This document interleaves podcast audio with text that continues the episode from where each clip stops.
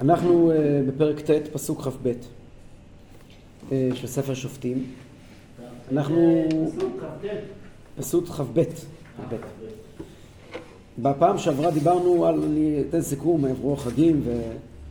והרבה דברים עברו עלינו, אז אני אסכם מה שדיברנו עד כאן. היה גדעון שהציל את ישראל, הושיע את ישראל, וברוב ימיו מגיעים אליו בני ישראל ואומרים לו בוא תמלוך עלינו. אומר להם לא אני אמלוך, לא, לא, אומרים לו אמלוך עלינו אתה ובנך ובן בנך. אומרים לא אני ולא בני ולא בן בני אמלוך עליכם. והוא לא מסכים. לפועל הוא נפטר מן העולם, משאיר 70 ילדים. 70 בנים. כן. 70 בנים. גדעון קראו לו גם ירובעל. כן. ועוד ילד אחד, בן אחד בשם אבימלך, שהוא בן של שפחה, מהעיר שכם. כאשר אה, נפטר גדעון, מחליט אה, אבימלך הזה, הוא היה אדם רע, להרוג את כל בני גדעון, כמו בסיפורים על... אה, על... אתה היית פה בשיעורים הקודמים, כן, על עבר חודש, אתה לא זוכר. אני לא, אני לא, לא שוכח כלום, אני לא, את הסיפור הזה לא שמעתי. הוא ממש כמו בסיפורים בחצרות ביזנטיות, הוא הולך והורג את כולם, ורק ילד אחד בשם יותם מצליח להימלט. יותם, אה, הוא עושה את זה אחרי, אה, אבימלך עושה את זה אחרי שהוא כורת ברית עם בעלי שכם.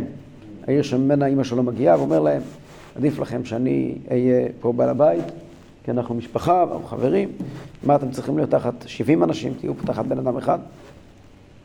ואז נעמד יותם על ההר, הר גריזים, ונותן נאום באוזני אה, בעלי שכם, את אה, משל יותם המפורסם, שהוא אומר להם, הסיבה שאבימלך בוחר להיות מלך עליכם כי אין לו משהו יותר טוב לעשות, הוא ליידיגר, הוא מסוכן, נותן להם משל מ... הלוך הלכו העצים אה, להמליך להם מלך, חיפשו, פנו לתאנה, אמרה להם אני עסוקה עם, ה... עם דבשי, הלכו ל... ל... ל... ל... לגפן, הוא אמר אני עסוק עם יין וכן הלאה. עד שהגיע הוא אמר אוקיי, אני המלך שלכם, אבל אם אתם לא תקבלו את המלכות שלי, תצא אש מהאטד ותאכל את ארזי הלבנון. כלומר, מי שאין לו במה לשלוט, מי שאין לו תוכן, הופך לדיקטטור. וזה מסר מאוד מאוד עמוק ומאוד נכון היסטורי. מי שאין לו מה לתת, נהיה דיקטטור. ככה זה תמיד היה וככה זה גם יהיה הלאה. אומר להם, תיזהרו ממנו, כי הוא הולך לגמור אתכם. אתם תגמרו איתו לא טוב. אומר להם, אש תצא מאבימלך ותאכל את בעלי שכם. זה לא יעבוד נכון.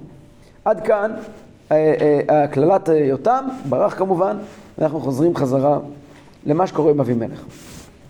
פסוק כ"ב ויעשר אבימלך על ישראל שלוש שנים. אבימלך משתרר על עם ישראל במהלך שלוש שנים. ויעשר, אומר רש"י, על כורחם נהג רבנות ובגאווה. זאת אומרת, היה פה קלאסיקה של דיקטטורה, של איזשהו אה, אה, דיקטטור אה, מטורף ששלט על עם ישראל שלוש שנים. הפסוק לא מוכן לתת לו את התואר מלך, לא כתוב וימלוך, כי מלוכה היא תמיד מתוך רצון. ומלכותו ורצון קיבלו עליהם. הוא לא מלך על ישראל, הוא השתרר על ישראל, הוא השתלט על ישראל. אברבנאל מדגיש עוד דבר, הוא לא היה שופט. הוא לא עסק במשפט, הוא לא עסק בל, בלסדר סכסוכים בין אנשים, הוא לא עסק בלהורות את העם את, את הדרך לחיות. היה סתם בריון. אה? היה סתם בריון. סתם בריון, בדיוק. הוא חיפש שררה ולא הנהגה. אלא שגם שררה כזו היא מן השמיים. חז"ל מציינים שזה הגיע בגלל הכוח שלו לשלוט על עם ישראל נבע מהענווה של אבא שלו. כשהגיעו לאבא שלו אמרו לו, תמלוך מלוך עלינו אתה, בנך בן בנך, הוא אמר להם לא אני ולא בני ולא בן בני. כשהוא אמר לא אני ולא בן בני ולא בן בני, לא אני ולא בני ולא בן בני, הוא קיבל שלוש שנים של מלוכה לעם ישראל. הוא היה אמור לקבל שלוש דורות, אומר אברבנאל, אבל זה התקצר בגלל ההתנהגות של אבימלך לשלוש שנים. זאת אומרת, בגלל שמצידו של אה, אה, גדעון ירובל היה ענווה, הוא קיבל כוח של שליטה על עם ישראל. מזה היה הכוח של אבימלך. ובגלל שעם ישראל ביקשו את המלוכה הזאת, שזה לא היה דבר נכון, כלומר, לא אני אמלוך עליכם, השם ימלוך עליכם. הם מצדם רצו שאדם ימלוך עליהם, אז לכן הם נענשו שהמלך היה אבימלך, ולא אחד הבנים הכשרים של, אה, של אה, גדעון. אבל אחרי שלוש שנים, הקללה של יותם שמסתובבת באוויר, מתחילה להתממש. פסוק כ"ג.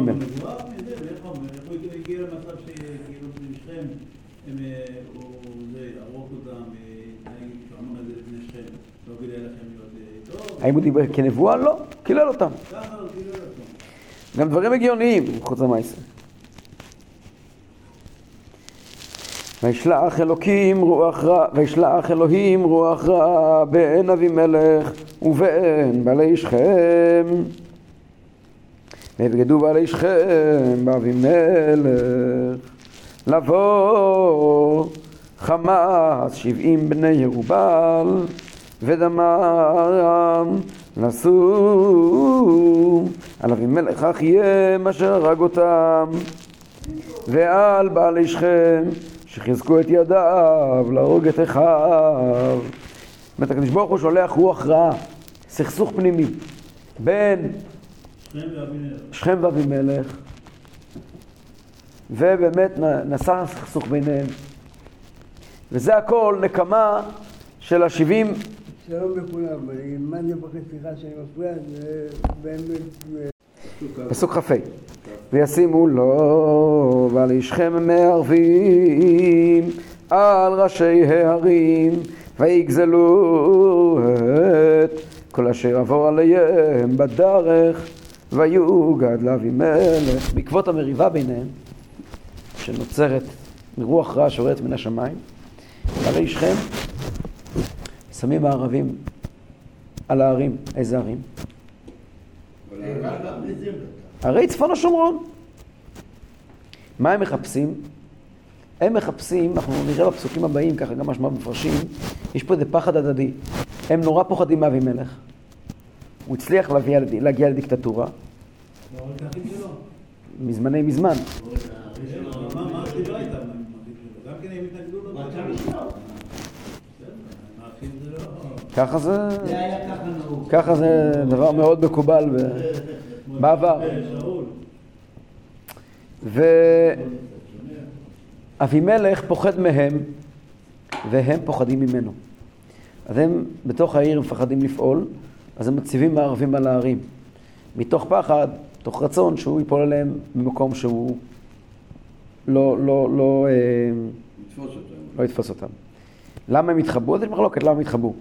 אה, בערים, יש בגמרא משמע שהם לא הסתתרו.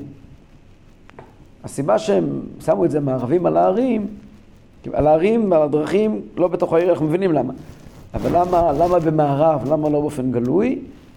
הם היו גזלנים גלויים, לא היה להם בעיה גדולה עם העניין. אז הגמרא אומרת, כדי שפשוט לא ייזהרו מהם, שיפלו לתוך המלכודת שלהם, אבל לא שהם הלכו וברחו. הגמרא לומדת מהם מהו גזלן, כמו עליהם נאמר, ויגזלו. זה היה דבר ידוע וגלוי מי הם הגזלנים והכל לאור יום, זה לא היה דברים אה, סודיים גדולים מדי. אבימלך יודע שבעלי שכם מחפשים אותו. והוא מנסה לחשוב מה לעשות. משמע, כמו שאמרתי מקודם, שגם בעלי שכם חוששים ממנו, הם לא יוצאים לאבד את השדות. כמו שהוא לא יוצא מהעיר, גם הם לא יוצאים לאבד את השדות, וכולם אה, בפחד אחד גדול. ואז מגיע לאזור שכם אדם בשם געל בן עבד, כבר נקרא עליו. אנחנו לא יודעים עליו כלום, רק רש"י יש לו מסורת שגעל בן עבד היה בן אומה אחרת, הוא לא היה יהודי, הוא לא היה ישראלי. משמע שהוא היה שייך, היה ראש של מיליציה כלשהי, וכנראה לא היה לו איזה שהם קשרים עם, עם, עם שכם, עם בעלי שכם, שהם אינטרסים משותפים. ויבוא געל בן עבד ואחיו ויעברו בשכם ויבטחו בו בעלי שכם. ויצאו השדה ויבצרו את כרמיהם וידרכו ויעשו הילולים ויבואו בית אלוהיהם ויאכלו וישתו ויקללו את אבימלך. פה רש"י אומר, אמרנו, בן אומה אחרת היה. גל בן עבד. משמע, זה לא כתוב מפורש, אבל משמע, שגם בעלי שכם לא היו ממש חלק מה, אינטגרלי מעם ישראל. אתה לא רואה בפסוקים פה שמציינים, שכם שייכת לגבול מנשה. לא מצוינים כבני מנשה. בעלי שכם, בעלי שכם. נראה עוד רגע שגל בן עבד אומר להם, אתם הרי תעבדו את אלוקי שכם בן, תמליכו עליכם, שכם בן חמור אביכם. שכם בן חמור מייסד שכם. מה זה קשור? שכם בן חמור היה גוי, היה מהכנענים, מהחיבים. הוא אה, זה, כן, בעל את ה... כבר ניכנס לפרטים האלה. משמע שככה נראה בעדינות, שגם שכם לא בדיוק הייתה יישוב ישראלי. הייתה יישוב חצי ישראלי. מה הכוונה? אז אפשר לשער ולומר ככה. שכם שייכת לחיבי. הגבעונים שבאו בימי יהושע הם גם היו מהחיבי. וכתוב שגם בימי משה באו. הוא התרפא, הוא גמר לקחת את הטיפול האחרון בוולפסון, באיכילוב המצב שלו מאוד השתפר. ברוך השם. אז כתוב שגם בימי משה רבנו באו כנענים להתגייר. כך כתוב בפרשת ניצבים ברש"י, נכון? ו- ויותר ממשמע של אותה קבוצה. זה בני חיבי, זה אותה קבוצה. שכם הייתה עיר מאוד מרכזית אצלם. בכיבושי יהושע לא מוזכר שכם. מאוד מוזר, שכם עיר מאוד מאוד חשובה, עיר מאוד מרכזית. בכיבושי יהושע לא, יהושע היא לא מוזכרת. מסביב, כן? כן, מסביב. בטח. הם לא יכבשו אותה באופן... כי לא היה צורך. הם כנראה אומה שעשתה ברית עם עם ישראל. אם אני לא טועה, הארכיאולוגיה המודרנית תומכת בזה. ששכם הייתה בת ברית של ישראל ולא ממש נכבשה. אבל... אה, מה שכם? שכם זה רק עיר. למה זה עיר? אה? אתה יודע מה זה עיר? אבל שבט, שבט אה, מנ- מנשה לקח אותה. כן. אוקיי, אז... ופה היה, אנחנו יודעים שהאבימלך הזה, אימא שלו הייתה שפחה, משכם. מה, מה זה שפחה? מה זה שפחה? שפחה זה, זה, זה מעמד נמוך יותר. היא הייתה יהודייה, הייתה גויה, מה היא הייתה? הייתה שכמאית. הרי הוא, הוא קורא לבני משפחתו, פילגש הייתה אמא שלו. הוא היה עבד כי ימלוך. באמת לא היה ממש, הוא לא היה ממש אה, אחד מבני ישראל. הוא היה כזה בן של האומה הזאת, החיבים, השכמאים, שלא היו ממש מבני ישראל. ככה אפשר לשער. פי זה מובן כל הסיפור. רואים גם שהם עובדים עבודה זרה, לא בצורה של, כמו שכתוב על עם ישראל, שעבדו עבודה זרה. הלכו בית אלוהיהם, זה האלוקים שלהם מאז ומקדם. משמע שהם לא ממש היו משלנו, מה שנקרא. בכל אופן, מגיע גל בן עבד שהוא מהחבר שלהם. והוא כנראה מגיע עם אחיו. מה זה אחיו? כנראה זה עם מיליציה כלשהי. והם תופסים איזשהו, אה, אה, אה, מא- מאבטחים קצת את שכם. אז מאפשרים לתושבי שכם לצאת ולקצור את הכרמים. עכשיו, הכרמים עמוסים, עמוסים, עמוסים בגפן, חודשים לא יצאו מפחד אבימלך. כעת הם יכולים לצאת, חתיכת חגיגה. יוצאים, בוצרים את, ה, את הכרמים, דורכים אותם, עושים הילולים, ככה היה מנהג, שותים יינות ישנים. וחבר'ה שיכורים בבית אלוהיהם, ואז מרשים לעצמם, בתוך דיקטטורה, עוד מעט שאתה לא שותה, אתה לא מעז להגיד את האמת, פתאום משתחרר להם הפה, ומתחילים לקלל את אבימלך. אותם, אותם באותו מעמד, כאשר הדברים, לפעמים קוראים כאלה, זה פיק כזה, שאנשים פתאום מעזים להגיד מה שהם חושבים.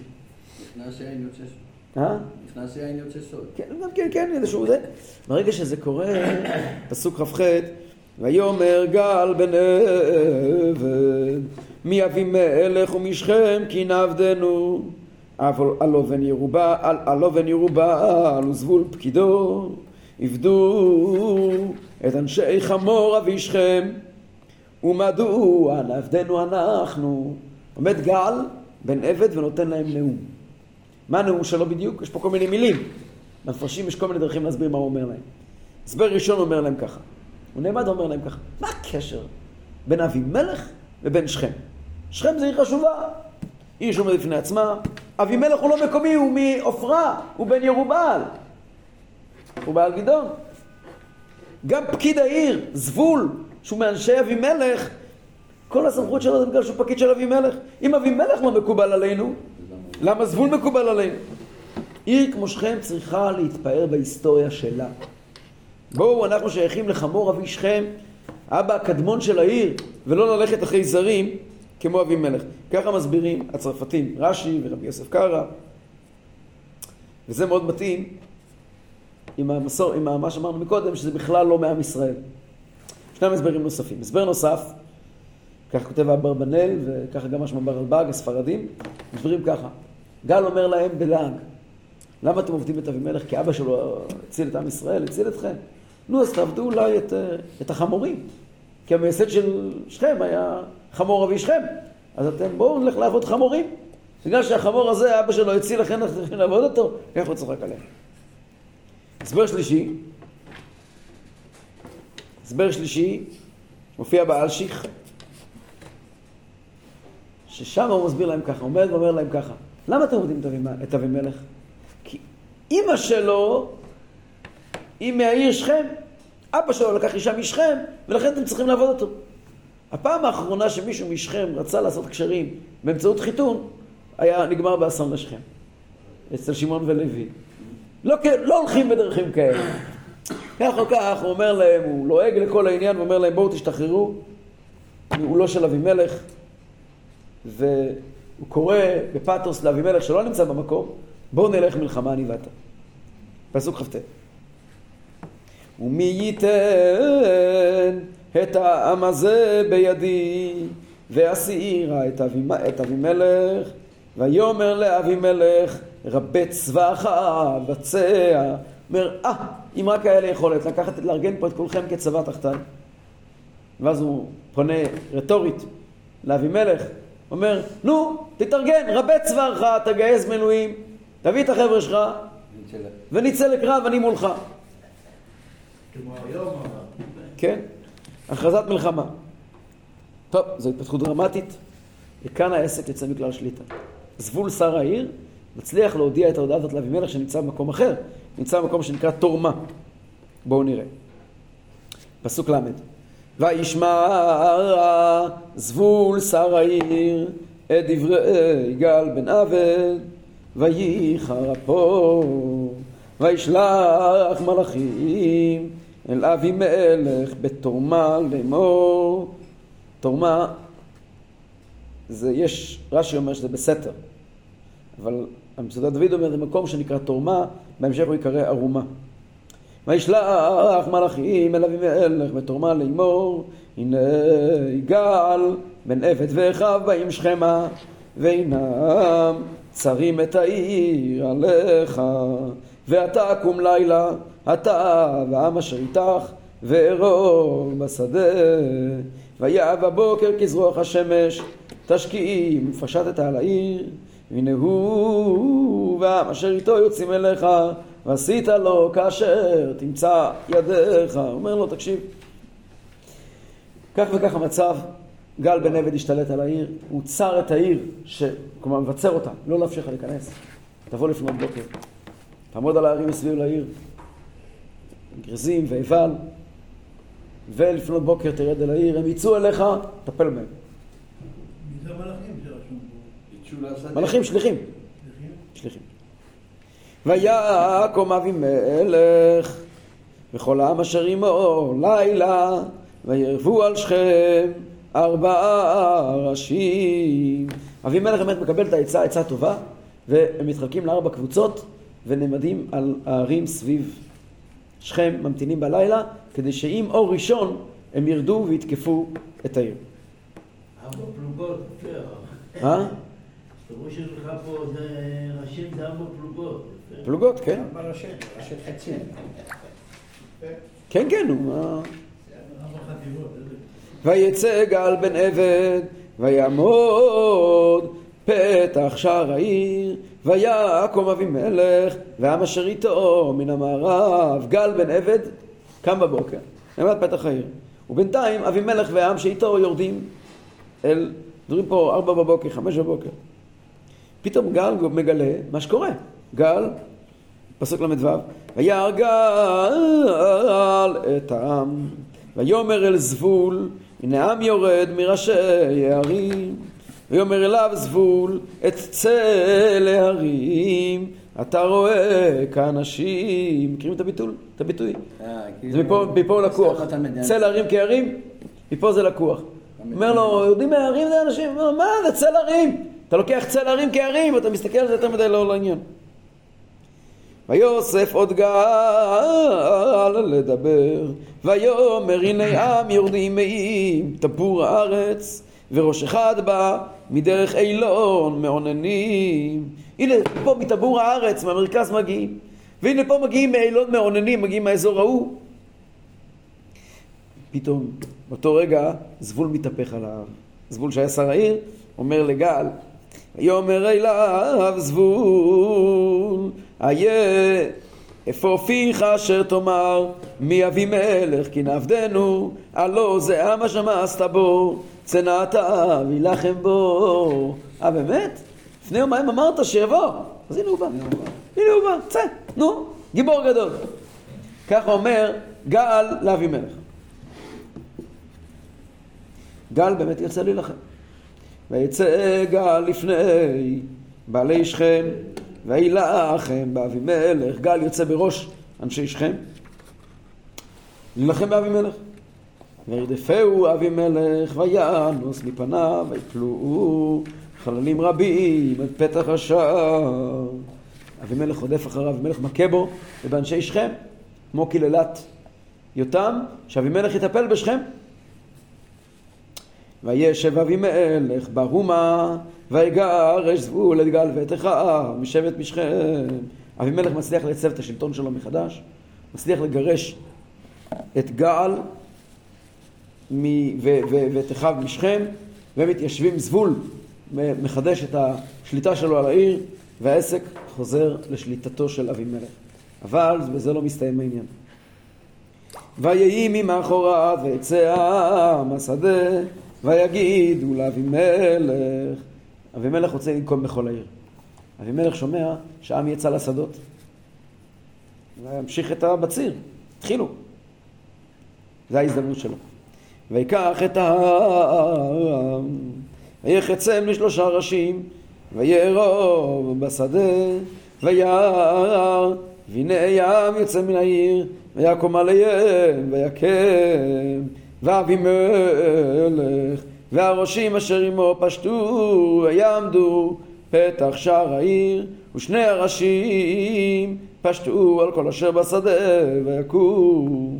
ואבימלך נלחם בעיר כל היום ההוא וילכוד את העיר ואת העם אשר בא הרג וייטוץ את העיר ויזרע המלח למה? הוא עשה מלחמה שהיה לפני זה, הוא נלחם עם הצבא. ועכשיו הוא הלך על העיר כולה, הגיע עם שלוש פלוגות, הוא עושה בעיר הזאת מלחמה גדולה, וכשהוא מסיים להרוג אותם, הוא מנתץ את העיר וזורע אותה מלח שלא תצמיח. שהם שפו. מלח גורם, לא תזרע ולא תצמיח ולא יעלה כל בה. אבל מעניין, למה הייתה ב- למטה? היא מוקפת הרים. נו, בדלנו בהם, היו צריכים להרים לא למטה. תראה, שכם היסטורית היא מקום שתמיד היה מרכז מטורף. זה מקום מבחינה... אין, אין מקום יותר טוב ממנו. כי הוא נמצא בקו ישר למעברי, למעברי הירדן הצפוניים. כן, נכון. הוא נמצא מוגן תחת הרים. אני מניח שבכל לא, ההזדמנות... אבל... הרומים הפכו אותו-. אבל תמיד היו מחזיקים שליטה על ההרים. מקום מאוד נוח למגורים. האנשים היו מחזיקים שליטה, היו כנראה תמיד משמרות על ההרים. תבין שבאמת אתה רואה גם בהיסטוריה יותר מאוחרת, גם הרומאים הפכו את שכם למניאפוליס, הפכו אותה למקום מאוד מאוד מרכזי. עד היום הזה היא מקום מאוד מרכזי. נכון, נכון, מקום מאוד מרכזי. נכון. כן, אבל אני אומר שזה זה לא יתרון בשביל להיות באמצע. כנראה שאם זה ממש עמק בתוך הרים, זה... זה בין שני ערים, בין הר הריבה ל... והר- כן. אתה רואה, ההיסטוריה כולה מוכיחה ששם גרו, עד עצם היום הזה. בזמן הרומאים זה ממש היה מקום מאוד מאוד מאוד מרכזי. מה זה? לא, לא, גם בזמן, אה, הרבה הרבה תקופות. לא הבנתי למה הוא צריך להילחם עם העם, אם הוא ניצח את הצבא. הוא רצה להרוג את כולם, לנקום בהם, הוא היה דיקטטור, הוא לא היה אדם, הוא לא היה בן אדם נורמלי. זה רומז לך את זה יותר מפעם אחת, שלא מדובר בבן אדם ש... החמאס. דיקטטור. לא, לא מדובר בבן אדם מאוד רציונלי. ככה מתנהגים. איך סטלין היה מתנהג במקרים כאלה? פוטין. לא, פוטין זה עדיין לא סטלין. מה? פוטין זה עדיין לא סטלין. סטלין כל פעם, בבליטת קורסק, בכל מיני מקומות, בכל מיני מצבים במלחמה, שחיילים נפלו שבי לפני הגרמנים. אחר כך שוחררו, הוא הרג את כולם. זה מטורף לגמרי. אבל כולם סרדו לו, כמה שהיה מטורף כולם סרדו לו. כולם סגדו לו, כן? לא, סרדו לו. כי, כי בגלל, בגלל שהוא היה דיקטטור. וישמעו כל בעלי מגדל שכם, ויבואו אל צריח בית אל ברית.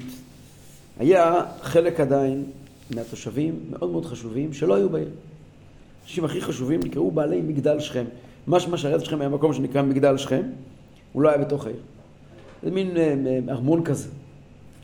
בתוך המקום הזה היה צריח, מגדל גבוה, ששם היה המרכז של האלילות שלהם, שנקראה בית אל ברית.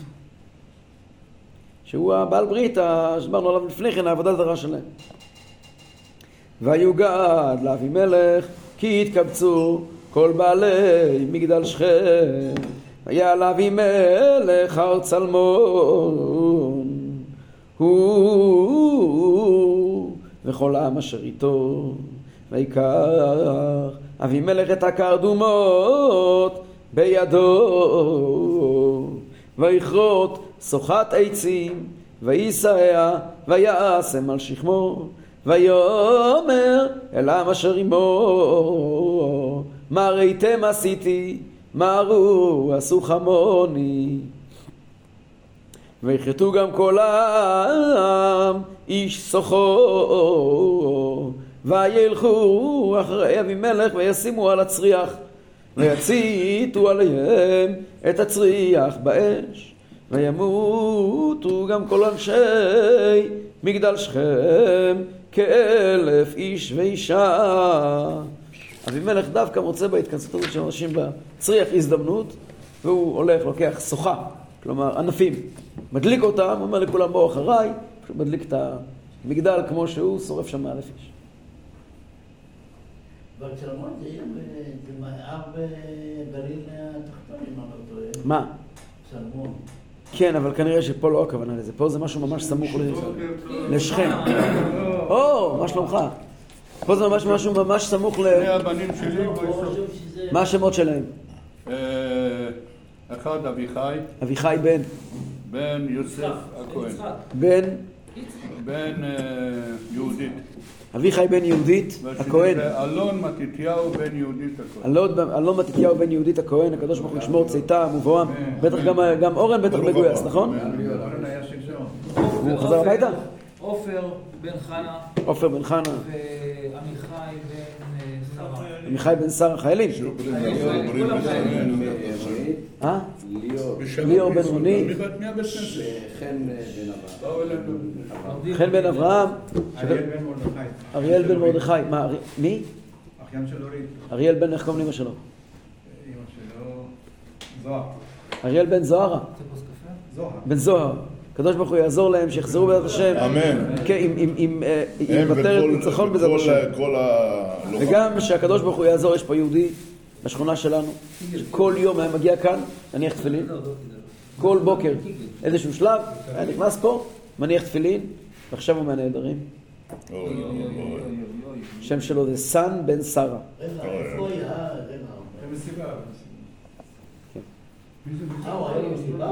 כן, שלו? כן, כן. של אה, מאפיית כהנים, אוי. פה בקריית שמונה. כן. וישמעו, בוא, בוא, בוא נעשה משהו אמיתי לזכותם. פשפרסט איינורה? אתה, זורק איינורה? וישמעו כל בעלי, איפה חזן? פסוק אין נון. וילך אבימלך אל טבץ, וייחן בטבץ, וילכדה. אבימלך הולך לטבץ, טבץ זה מקום כלשהו באזור שם. יש כאלה שבגלל השם חושבים שאולי זו עיירה הפלסטינאית טובס, שנמצאת 20 קילומטר צפונית-מזרחית לשכם, בדרך לבית שער. וילך אבימלך אל טבץ, ויחן בטבץ, וילכדה, ומגדל עוז היה בתוך העיר. היינו, מגדל עוז הכוונה מגדל חזק, כן? מגדל עוז היה בתוך העיר. ונוסו שמה כל האנשים והנשים, וכל בעלי העיר, ויסגרו באדם, ויעלו על גג המגדל. ויבוא אבימלך עד המגדל וילחם בו. הלאה. טוב, מה קורה עכשיו? אז אה, חבר'ה, כולם הולכים, אנשים ונשים הולכים ל, ל, ל, ל, למגדל הזה, מגדל עוז בטבץ, פסוק נ"ב. ויבוא אב- אבימלך עד המגדל וילחם בו, ויגש את פתח המגדל, לשרפו באש. אבימלך יש לו כבר טכניקה עם מגדלים. אז הוא בא להילחם עם המגדל, הוא בא לשרוף גם את המגדל הזה. ופה קורה דבר שהוא לא חשב עליו. פסוק נ"ג. ויקרא מהרה אל הנער נושא חיליו. רגע, דילגת על אה, נ"ג. אה, ותשלך אישה אחת פלח רכב על ראש אבימלך ותעריץ את גולגלתו. מה זה? פלח רכב? אני אסביר. אתה הרי רגיל אה, לטחון קמח, לטחון מים. לטחון מים. איך טוחנים? בריחיים. ריחיים בנויות עם תשתית. של אבן אחת, ומעליה יש אבן אחרת שמתגלגלת. לאבן התחתונה קוראים ריחיים ורכב. רכב זה ההוא שלמעלה. אז זה ההוא, הגלגל הגדול שמסתובב לו נקרא רכב. היא לקחה רכב, כזה גדול? אה, גיברטר, לא, עזרו לה, פלח רכב, אולי חתיכה מתוך הרכב, אני לא יודע מה. עמדה למעלה, ובוק, הפילה את זה על אבימלך. ופשוט רצצה את גולגולתו. הוא נחמד אבימלך. היה נחמד. נקרא מהרה אל הנער נוסך אליו ויאמר לו שלוף חרבך ומאותתני פן יאמרו לי אישה הרגתהו ויקדקרהו נערו וימות אומר לו מהר לה אבימלך אומר לו עוזר לו בוא תהרוג אותי כדי שלא יגידו שאישה הרגה אותי זה פדיחה בשבילו אז הוא לא עומד במקום. הוא מת אחרי חמש דקות הוא היה פצוע אנוש. כן אברבנאל צוחק עליו אברבנאל אמרנו כבר שמבין במלחמות הוא אומר מה זה אישה מוטטני? אתה כזה טמבל. אם היית הולך קרב מגע מול אישה, אישה חלשה יותר מגבר, זה בושה שהפילה אותך. אבל היא זרקה עליך בקרב שהוא לא מגע, אין הבדל בין אישה לאיש. מה אתה עושה כזה דרמה? אה. חז"ל אומרים שלמה הוא נהרג באמצעות אבן. הוא הרי הרג 69 מאחיו על אבן אחת. הקדוש ברוך הוא אמר לו, גם אתה תהרג על ידי אבן. Mm. פסוק נ"ה ויראו איש ישראל כי מת אבימלך וילכו איש למקומו וישב אלוהי, אלוהים את רעת אבימלך אשר עשה לאביו להרוג את שבעים אחיו ואת כל רעת אנשי שכם השיב אלוהים בראשם ותבוא עליהם קהילת יותם בן ירובעם מה כתוב כאן? כן. מה כתוב כאן? הם רואים שאבימלך מת, הולכים איש למקומו, מה הכוונה? פה תקשיבו סוד גדול. כותבים המפרשים, קליוקו כותב, הם גילו, כשמת אבימלך, זה היה נוז, זה היה חדשות מטורפות. הם הבינו, נזכרו שקדוש ברוך הוא מנהל את העולם. וישבו איש למקומו, פירושו הם עשו תשובה. הלכו איש למקומו, כל אחד חזר לעבוד את השם, נזכרו שהם כולנו אחים. לפעמים שקורה איזה מכה, איזה זעזוע, אז כל ה... כמו שמנערים, נותנים מחבט זה שטיח, יוצא כל האבק, מה שמחובר, שהיה מחובר. כן. זה, תדעו לכם שברגע שיש רגעים כאלה נוראים, פתאום כולם נזכרים באמת. זה... לא צריכים להגיע לזה, אבל... פה באמת אה, פרק נוראי. אה, כל ספר שופטים הוא ספר קשה. אז זה פרק נוראי, זה היה שיא של אה, היעדר מנהיגות.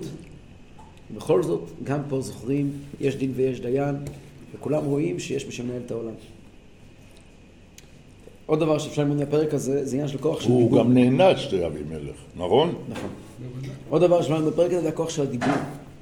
רואים את העניין של ברית כרותה לשפתיים, היכולת של יותם לקלל, מה שרואים, ותבוא עליהם קהילת יותם בן ירובעל. הוא עשה הרבה דברים רעים, אבל מה בסוף גמר אותם? הקללה של יותם, כוח של דיבור, כמה צריכים להיות אה, אה, זהירים. בואו נקרא עוד כמה פסוקים מהפרק הבא. ארבעה פסוקים מהפרק הבא, כי בעצם הפרק הבא מתחיל כבר נושא חדש לגמרי, אבל ארבעה פסוקים הראשונים הם נושא קצר, ונוכל שבוע הבא להתחיל כבר את הנושא עצמו.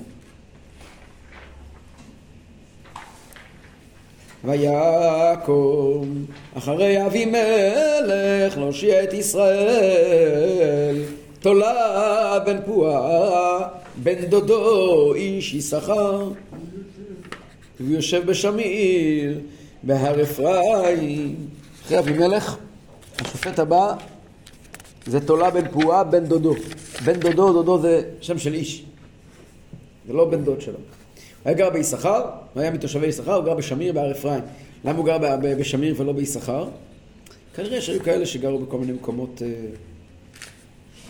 יש כאלה שכן אומרים שהוא היה בן דוד של אבימלך, ולכן היה לו יכולת אה, לתקן את מה שהוא, מה שהוא, מה שהוא עשה, מה שהוא הרס. וישפוט את ישראל 23 שנה, וימות ויקבר בשמיר. אנחנו לא יודעים איפה זה שמיר אגב היום. ויקום אחריו יאיר הגלעדי, וישפוט את ישראל 22 שנה. כל אחד מהשופטים האלה היה הרבה זמן, 23 שנה, 22 שנה, זה המון זמן. אנחנו לא יודעים עליהם יותר מדי. יאיר הגלעדי כנראה גר בגלעד. הוא שופט את ישראל 22 שנה, ויהי לו שלושים בנים, רוכבים על שלושים עיירים, ושלושים עיירים להם, להם יקראו חוות יאיר, עד היום הזה אשר בארץ הגלעד, וימות יאיר ויקבר בקמון. מה כתוב כאן? כתוב ויקום אחריו, לא כתוב ויקום אחרי תולה, אלא ויקום אחריו, משמע גם אחרי אבימלך. כלומר, שניהם התפקיד שלהם היה לייצב את העם אחרי אבימלך. זה הרבה שנים, 23. זה זה הרבה זמן לשקם. 23 ועוד 24 שנה, זה כמעט 50 שנה. לשקם את העם, שניהם היה להם משימה אחת לשקם את העם. הרב, זה- אומר שכל השמות של השופטים שמוזכרים פה, כל השבטים היו... כל שבט האמין שופט ש- כתוב שכל שבט העמיד איזשהו שופט לעם ישראל. שופט או מלך. שונה בכל כל השבטים. כל היו- השבטים היו תחת ה... לא בטוח. לא כולם. לא, לא, לא בטוח. אם היה צרה, אז הם התכנסו תחתיו. אבל זה היה באמת כל אחד קצת איש הישר בעיניו יעשה. גם הרחוקים. זו שאלה גדולה. אנחנו פה בפסוקים האלה יותר מתמקדים באזור הר אפרים, הר מנשה, אפילו עבר הירדן, זה הכל עדיין אותו אזור. לא כתוב כאן מילה על מה קורה באותו זמן בחברון, מה קורה באותו זמן בבאר שבע. ולא בצפון. לא בטוח. אם לא היה בעיות, לא היה בעיות כנראה, ואם היה בעיות, אז כן ייכנסו תחת אה, אותה מטריה. אבל בגדול זה היה, איש, זה היה תקופה קשה מאוד לעם ישראל. ב-300 שנה, יותר מ-300 שנה, קרוב ל-400 שנה של איש הישר בעיניו יעשה, תקופה באמת הכי קשה בהיסטוריה של עם לא ישראל. בדיוק, המטריה. שהיו שופטים. לא- השופטים האלה, אתה רואה, הנביא חוזר שוב ושוב ואומר, זה דוגמאות של השופטים, אבל מה הם עשו פה? בהשוואה לימי יהושע, מחד, לשמואל הנביא, אתה רואה, אנחנו נגיע לפסוקי שמואל נראה, ששמואל בעצם קודם כל בנוי בלייצר עם. פשוט רואים את זה, בפסוקי שמואל נראה, עוד לפני שהוא הכתיר את, שמואל, את שאול למלך על כל ישראל, בממלכה המאוחדת, עוד לפני כן שמואל עושה עבודה מטורפת רק, בל, רק בלקשור את הקצוות. היה לו הרבה עבודה. ולא היה איזה בית מקדש, משהו... לא- היה, בשילה. משכן בשילה. אבל כתוב בפירוש שכמעט ולא הגיעו לשם. כתוב שכמעט ולא הגיעו לשם, זה כתוב מפורש. אם זה שכם, לא רחוק כל כך משילה. שכם זה כל מיני כזה רחוק משילה. לא מאוד, אבל רחוק משילה, בטח רחוק משילה. מה זה, משכם לשילה? משכם לשילה? משכם לשילה. משכם לשילה היום, היום, לא אז. היום זה זה כמעט שעה נסיעה. בשכם? לא. כן, בטח. כן, כן. מצהיר 60, משכם לשילה. ברכב או באופנוע? אה? ברכב או באופנוע? לא, יש כביש ישיר משכם לשילה. אה, יש. ציר 60. באופנוע יותר קל, אתה עוקף את כל הפקקים. איפה יש פקקים שם? לא נראה לי בדיוק שיש פקקים שם. לא נראה לי שיש פקקים שם. בחווארה יש בלאגן. אה, צומת תפוח זה לא באמצע, זה בהתחלה. צומת תפוח מאוד קרוב לשילה. קח צומת תפוח. צומת תפוח, דרומה, רבע שעה אתה בשילה. נכון, אבל אם אתה לוקח... צפונה. לפחות 45 דקות. בוא, אתה רוצה לנסוע לשם? עכשיו זה הזמן. עכשיו נקי שם. הר ברכה. שקט. יש שם הטחינה הכי טובה. יפה ומדמם. מדמם? לטעום טחינה הכי טובה, ברכה. מסוכן מאוד. כן. הייתי לוקח אותך, אבל אתה עם המודיעין האיראני, אני יודע מה זה. ב-20 שקל. עכשיו אני קניתי... הם עוקבים אחרי כל משפט שאני כותב ב... קניתי שני ליטר שמן זית, רעים. רעים. טוב, אז בואו בוא ניכנס אבל לפרטים. רואים שהגדולה של יאיר, הפסוק רוצה להגיד מה היה גדול, הוא אומר היה שלושה, שלושים בנים, שהם רוכבים על שלושים עיירים, שלושים עיירים יש להם, מה זה אומר הדברים האלה? שלושים עיירים, עיר זה חמור קטן. עיירים זה גם כן ערים, יש פה לשון נושא- אה, נופל על הלשון. כן. מחזיקים שלושים כן. ערים והם רוכבים שלושים עיירים. המקום הזה נקרא חוות יאיר. עכשיו המילים חוות יאיר, מכירים אותם מפעם מספר במדבר, בפרשת מטות. כן, יאיר בן מנשה הלך לאותו מקום, אותו אזור של, של הגלעד. יאיר בן מנשה הלך וילכוד את חוותיהם ויקרא איתן חוות יאיר. אז על שם מי נקרא יאיר חוות יאיר? על שם יאיר בן מנשה מתקופת אה, משה רבינו, או על שם השופט יאיר? או על שם אולי יאיר אה, זה, יאיר שטרן. אז אה, התשובה היא, יאיר נתניהו. יש כמה הסברים, הוא נקרא לו שם יאיר שטרן. אה. אברבנאל מביא שני הסברים. אברבנאל מביא שני הסברים. אתה יודע שיאיר שטרן חי. אתה יודע או לא יודע? בטח. מה אתה יודע? יאיר שטרן חי. תל חי. תל חי. כיסופים. זה משחק שמות. יאיר שטרן חי. אף פעם לא מת. אתה יודע מזה או לא יודע מזה? יאיר שטרן מת מזמן. לא, אברהם שטרן מת. אברהם שטרן, מנהיג הלח"י, כן. נהרג. שם הקוד שלו היה יאיר על שם בנו. אה. ויאיר בנו חי. חי. יאיר שטרן המקורי חי. שיחיה. וגם הנכד שלו... זה גם הנכד שלו. נולד אחרי שהוא נפטר. נולד אחרי שהוא נפטר, נכון. אגב, נדמה לי שהוא נקרא יאיר על שם יאיר בן מנשה, הגיבור. הראשון, הוא היה מנכ"ל טלוויזיה, לא? היה עוד הוא טלוויזיה. גם- חבר שלי. טוב, אז אה, שני הסברים יש לנו. אחד זה שהיו שני, שני חוות יאיר. היה חבית, חוות יאיר של יאיר בן מנשה הקדמון, וחוות יאיר של בני השופט יאיר. והסבר שני, שזה אותם חוות. אותם חוות שיאיר הראשון כבש. וכעת, כאשר הם שלטו שמה, אז היה כזה רעש, שזה הזכיר לאנשים, אז עוד פעם חזרו וקראו לזה חוות יאיר, הזכיר את הכיבוש הראשון. ככה מסביר אברבנאל שני ההסברים האלה. והסבר שלישי אומר דבר מעניין. הסבר שלישי כתוב אצל אה, גדול חכמי איטליה, רבי ישי דיטרני, הראשונים, רבי ישי דיטרני, גדול גדול, גדול חכמי אה, אה, אה, איטליה בתקופת הראשונים, לפני 700 שנה, יותר מ-700 שנה. הוא כותב שכתוב בספר במדבר, יאיר בן מנשה הלך ויקוד את חוותיהם ויקראו לו יאיר בן מנשה. זה לא הולך על יאיר בנו של מנשה, אלא שמה מדובר על זה. זה נבואה. למה? הוא אומר, תסתכל על פסוקים על מנשה, לא כתוב שהיה לו בן יאיר. אין משפחת היאירי. התורה מונה את הבנים שלו, לא כתוב שהיה בן יאיר. אז מי זה יאיר? התורה מדברת על מה שיקרה בעוד מאות שנים. שיבוא אדם יאיר מצאצאי מנשה, והוא יכבוש.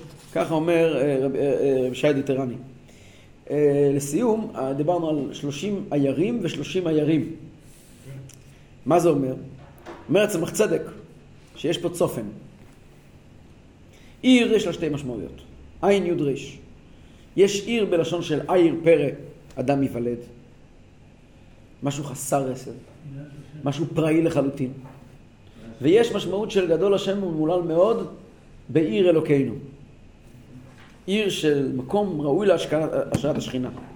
וזה לא סתירה. אדם נולד, עיר פרא, אדם ייוולד. פרא, אתם יודעים מה זה פרא? בר. בר.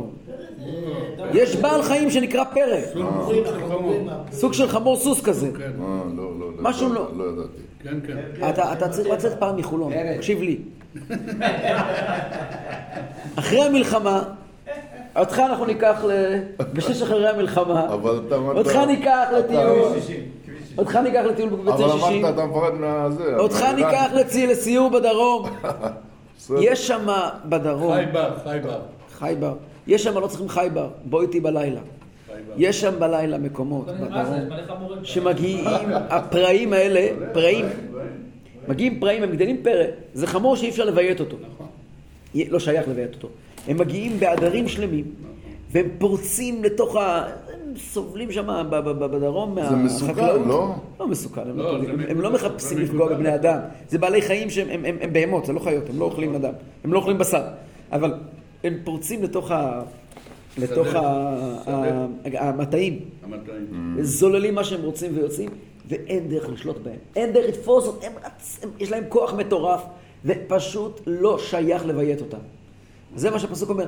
עיר פרא, חפש אחר כך בגוגל פרא. פרא.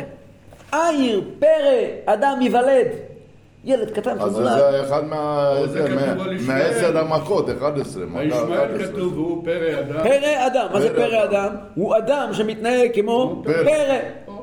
פרא. יש פסוק פרא למוד פרא מדבר. אדם נאמר על אה, עשיו. פרא למוד, לא, ישמעאל. ישמעאל. ישמעאל, סליחה. אם אתה רוצה להבין מה זה פרא אדם על ישמעאל, תשמע מה שקרה בימים האחרונים. תסתכל בדיוק. כן. זה פרא אדם? זה תיאור כן, מדויק. כן. פרא אדם. פרא אדם זה לא סתם ביטוי.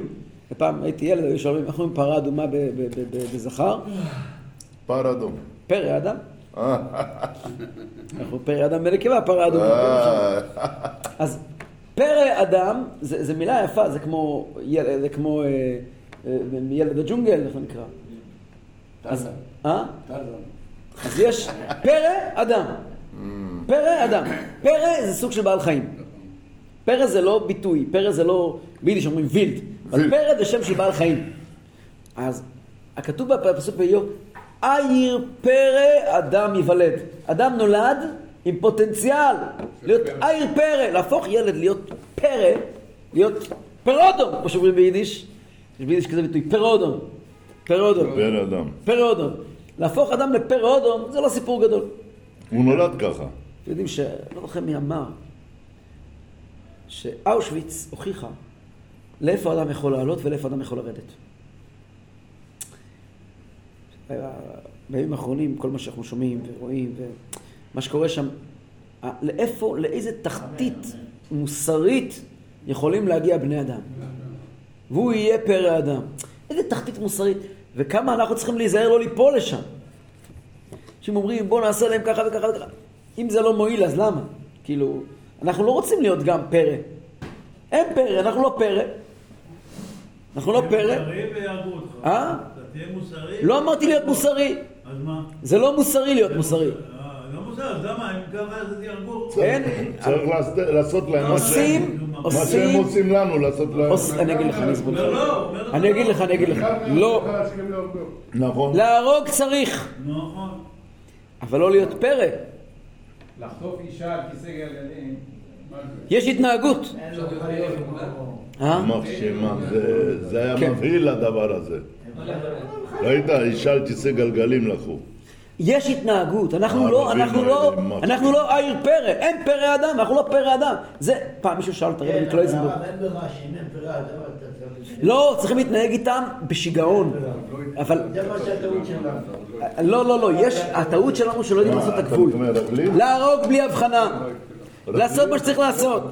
אבל לא לרקוד על גופות. אין קשר בין הדברים, אנחנו לא הפכנו לפראים בעצמנו. אני מקווה שלא.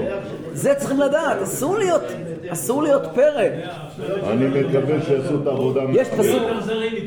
יש פסוק, אכזריים פירושו לא לחשוב פעמיים ולעשות מה שצריך לעשות. אבל תעשה מה שצריך לעשות, תלחץ על הכדור.